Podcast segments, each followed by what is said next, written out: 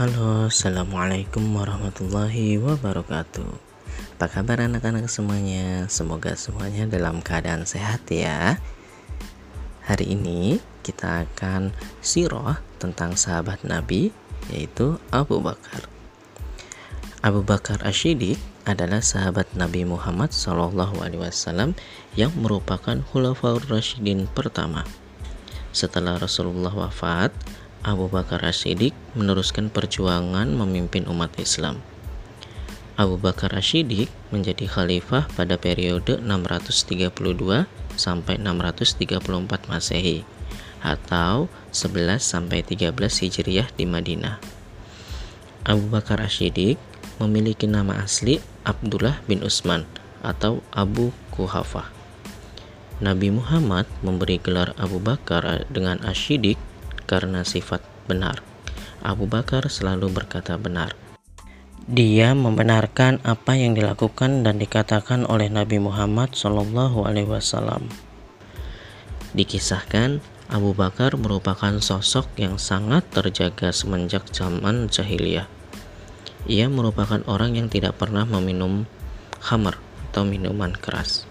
Di zaman jahiliyah, ia melihat ada seseorang yang tidak sadarkan diri terhadap perbuatannya. Saat itu, seseorang yang mabuk mengambil sebuah kotoran untuk dimakan. Saat hampir memasukkan ke dalam mulutnya, baru dirinya tersadar karena mencium bau yang tak sedap, sehingga mengurungkan niatnya. Sejak peristiwa inilah, Abu Bakar mengharamkan bagi dirinya sendiri untuk tidak bersentuhan dengan hamar yang memabukkan. Ketika Muhammad diutus oleh Allah sebagai nabi, Abu Bakar merupakan sosok sahabat awal masuk Islam dan selalu dekat dengannya.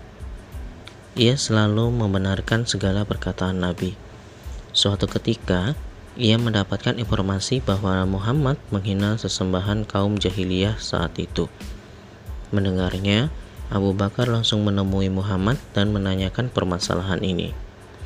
Muhammad pun mengatakan kepada Abu Bakar bahwa dirinya diutus oleh Allah untuk menjadi nabi dan rasul, sehingga umat akhir zaman mendapat petunjuk.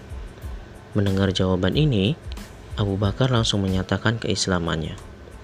Bahkan, ia juga menginformasikan kepada orang-orang sekitarnya sehingga mereka pun juga ada yang ikut mengimani kenabian Muhammad. Saat para sahabat lain tidak mempercayai peristiwa luar nalar berupa perjalanan Isra dan Mi'raj, Abu Bakar dengan tegas mengatakan bahwa dirinya selalu percaya dengan perkataan Nabi.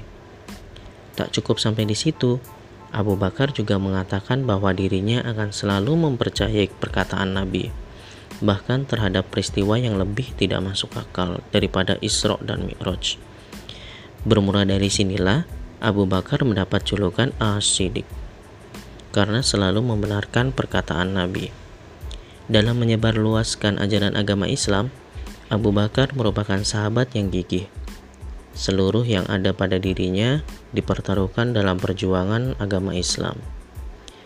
Ketika jumlah kaum muslimin baru 38 orang, di mana Nabi belum mengadakan dakwah secara terang-terangan, Abu Bakar sudah berpidato di dekat Nabi dengan harapan kaum musyrikin Mekah masuk agama Islam sebagaimana dirinya dan para sahabat lainnya.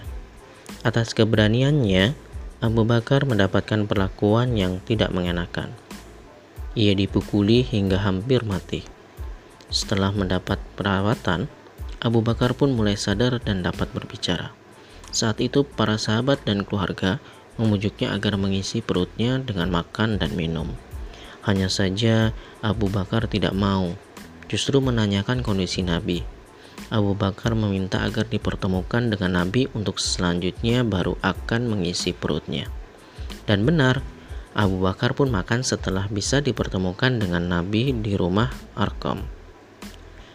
Meski dikenal sebagai sosok pribadi yang lembut, Abu Bakar merupakan sosok yang paling pemberani. Ali bin Abi Thalib yang dikenal sebagai panglima yang selalu berhasil dalam pertempuran mengatakan tentang keberanian Abu Bakar. Saat perang Badar, kami membuat kemah untuk Rasulullah. Lalu kami bertanya-tanya, siapa yang menemani Rasulullah dan melindunginya dari serangan kaum musyrikin. Demi Allah, tidak ada satupun dari kami yang berani mengajukan diri selain Abu Bakar. Dengan pedang terhunus, dia mengawal Rasulullah. Setiap ada pasukan kaum musyrikin yang berusaha menyerang Rasulullah, Abu Bakar selalu berhasil mengalahkannya. Sungguh dia orang yang paling berani. Kata Ali bin Abi Thalib. Saat Nabi wafat, Abu Bakar menjadi penenang kaum muslimin. Ketika itu, kaum muslimin tidak terima terhadap berita duka yang ada. Bahkan, umat Umar selalu berseru akan memenggal kepala orang yang mengatakan bahwa Nabi Muhammad telah wafat. Namun demikian, Abu Bakar dengan bijaknya berkata, Barang siapa yang menyembah Muhammad, maka sesungguhnya Muhammad telah meninggal. Barang siapa yang menyembah Allah, sesungguhnya Allah kekal dan tidak akan pernah mati. Selanjutnya, Abu Bakar membaca Al-Quran Surat Al-Imran ayat 144 yang berbunyi, Muhammad itu tidak lain hanyalah seorang Rasul. Sungguh telah berlalu sebelumnya beberapa orang Rasul. Apakah jika dia wafat atau dibunuh, engkau akan berbalik ke belakang atau murtad? Barang siapa yang berbalik ke belakang, dia tidak dapat mendatangkan mudarat kepada Allah sedikit pun, dan Allah akan memberikan balasan kepada orang-orang yang bersyukur. Sepeninggal Nabi, Abu Bakar didapuk sebagai khalifah pertama. Ujian berat menghampiri, terutama adanya kaum murtad, selalu dihadapi dengan bijak oleh Abu Bakar. Dalam menjalankan tugasnya, ia tidak menggunakan kekuasaan untuk memperkaya diri. Semua perjuangannya selalu dilakukan secara ikhlas. Bahkan ketika menjelang wafat, ia memberikan sisa-sisa hartanya kepada Umar bin Khattab sebagai khalifah setelahnya. Seluruh hidup Abu Bakar diwakafkan untuk menemani Nabi dan memperjuangkan agama Islam. Sehingga Nabi pun pernah bersabda bahwa Abu Bakar memiliki kedudukan tinggi di surga. Itu tadi sepenggal kisah tentang Abu Bakar Ashidik ya sahabat Nabi Muhammad Shallallahu Alaihi Wasallam ya Khulafaur Rasyidin yang pertama itu saja uh, sirah hari ini semoga kalian semua bisa mendapatkan hikmahnya.